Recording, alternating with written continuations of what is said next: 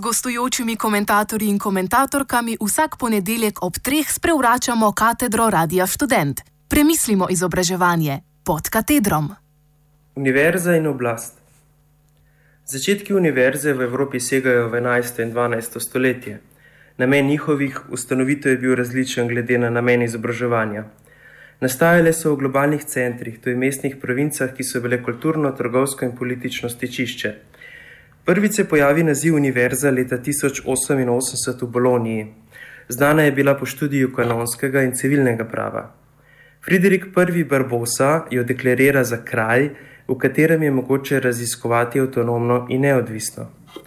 Univerze so ustanavljali kralji, papeži ali pa je to zahtevalo meščansko prebivalstvo, v primeru univerze v Cambridgeu pa študentje sami. Naprimer, prvo univerzo, ki jo je ustanovil papež, je bila v Toulouseu leta 1233.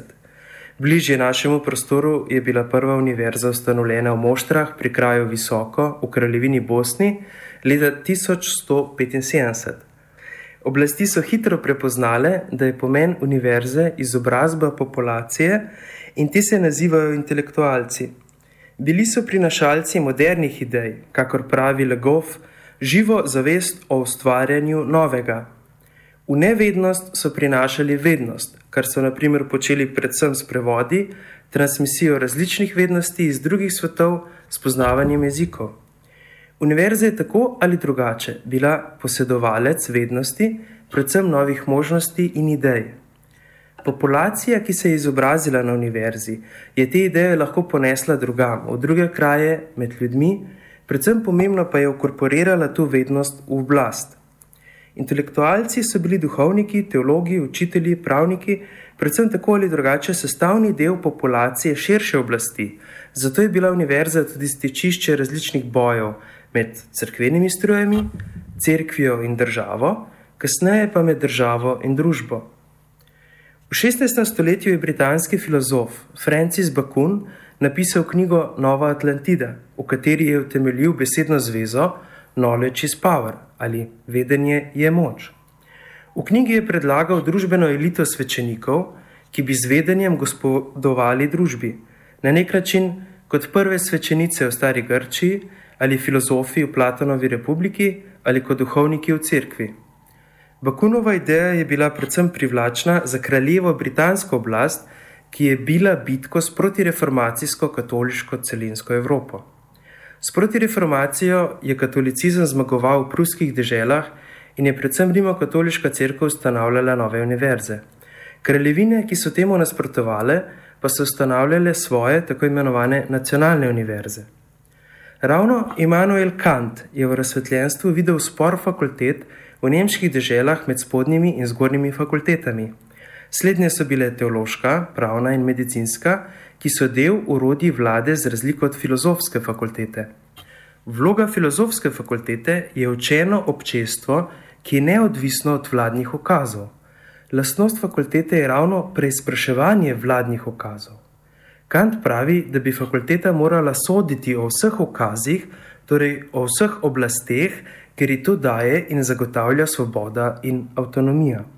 To ne pomeni, da ji oblast mora dati ali pokloniti avtonomijo po zakonu, ampak da sama tvori dejavnost preizpraševanja in sojenja oblasti. Delovanje svobode na univerzi ni odvisno od oblasti, države ali vsebine visokošolskega zakona. Svoboda univerze pomeni, da intelektualci delujejo v skladu s svojo svobodo po znanstveni resnici ali pa so samo ponižni služabniki nekoga drugega. Ponižnost posameznika je lahko drugemu v hierarhični lestvici, posledično pa je to služenje oblastem, crkvenim, državnim ali politično-strankarskim. Kant je pisal v času, ko je Napoleon osvajal Evropo in se je v tem času tudi širila ideja svobode iz francoske revolucije. Ideje svobode in drugačnih političnih tvorb so prinesle tudi učilišča v slovenski prostor, vendar so bile potem v avstrijskem cesarstvu ukinjene ravno zaradi ideje svobode. Industrijska doba, v mislih imam 19. in 20. stoletje, je v univerzi videla proizvajanje tehnokratskih kadrov in poklicov za potrebo industrije. To je veljalo za vse politične tvorbe, tako vzhod in zahod. Ustanovitev Ljubljanske univerze je bila posledica več desetletnega prizadevanja študentov in učenjakov, ki so videli potrebo intelektualnega centra v Ljubljani kot centru takratne kranske dežele. Oblast ni videla nobenega potencijala v izobraženi populaciji v dolini Šentflorijanski, zato je v začetku nasprotovala. Zagovorniki univerze so začeli zagovarjati narodno-prebuditeljske ideje za oblikovanje nacionalne zavesti slovenstva, katerim je oblast prisluhnila in zato je univerza obstala. Stranke so videle potencial v širjenju idej in produciranju lastnega simbolnega kapitala preko univerze. Za njen gmotni položaj, to sta bivanski prostor za predavatelje in plače, so se potegovali študentje, zato da bi pridobivali kar se da kakovostno izobrazbo.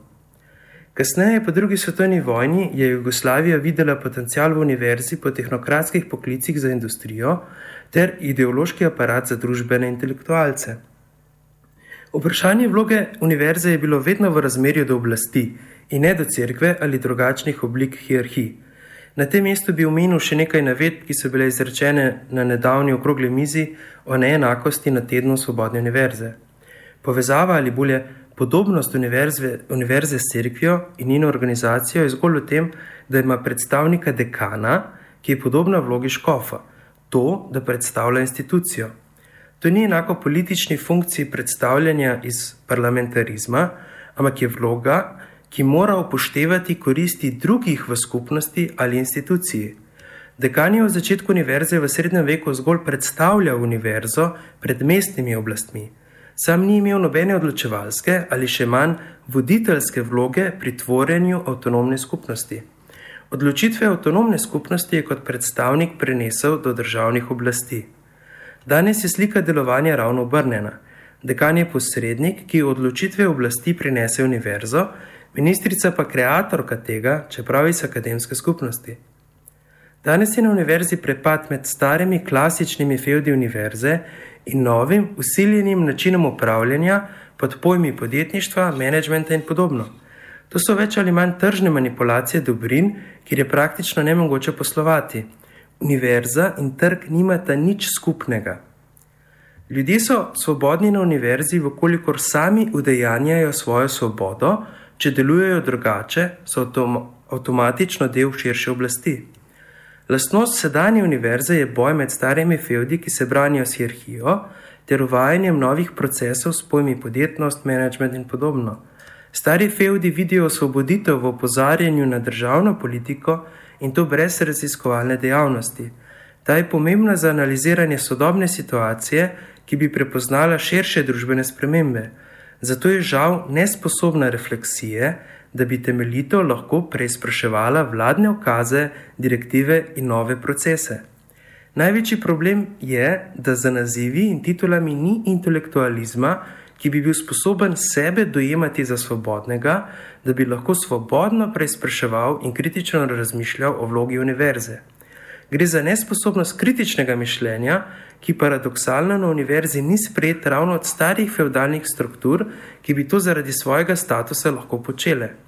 V tem vidijo grožnjo svojih položajev in odgovarjajo z ignoranco. Ignoranca je bila skozi stoletja univerze orožje proti oblastem. Univerze so se na družbene spremembe prilagajale, da so ohranjale avtonomijo. Danes pa je ignoranca postala orožje za notranje boje na univerzi. Če nosilci visokih hierarhij in celo oblikovalci novih meritokracij zadnjih let niso sposobni niti obraniti kritičnega mišljenja, ali potem sploh lahko še govorimo o univerzi, kaj šele svobodni univerzi. Univerza je svobodna, vkolikor agenci na univerzi ukorporirajo svobodno mišljenje v svoje prakse. Če se že samo zgovarjajo na druge, državno politiko ali celo neko daljen družben center tam v Belgiji, potem so že sami prodali svojo svobodo. Tržni mehanizmi ravno pricrljajo v univerzo preko starih feudalnih struktur, ki se tega ne zavedajo. Vsak trg, ali to arabski bazar, ljubljanska tržnica ali neoliberalizacija, potrebuje močno zonanje avtoritarnost, oblastnika, ki obladuje to polje, ali to škof, papež, kralj ali vladar. V primeru današnje univerze je grožna, da se bodo novi procesi podjetništva in menedžmenta ohranjali ravno preko hierarhij in meritokratskih pravil. Ni za pozabiti dejstva, da so neoliberalni ideolog, ideologi ravno prišli iz čekaške šole podiplomskih ekonomskih programov. Ti podiplomanti so te ideje ponesli v državne politike in posledično v družbo. Ali se je univerza zmožna obraniti idej, ki so ravno prišle iz tega prostora? Namen univerze je izobraževanje. To je v prostoru, kjer se tvorijo in stikajo nove družbene ideje. Bi mogoče svoboda lahko bila ena od njih? Ali pa bodo svobodo širili duhovniki s papežem na čelu? Komentar sem pripravil Miha Novak.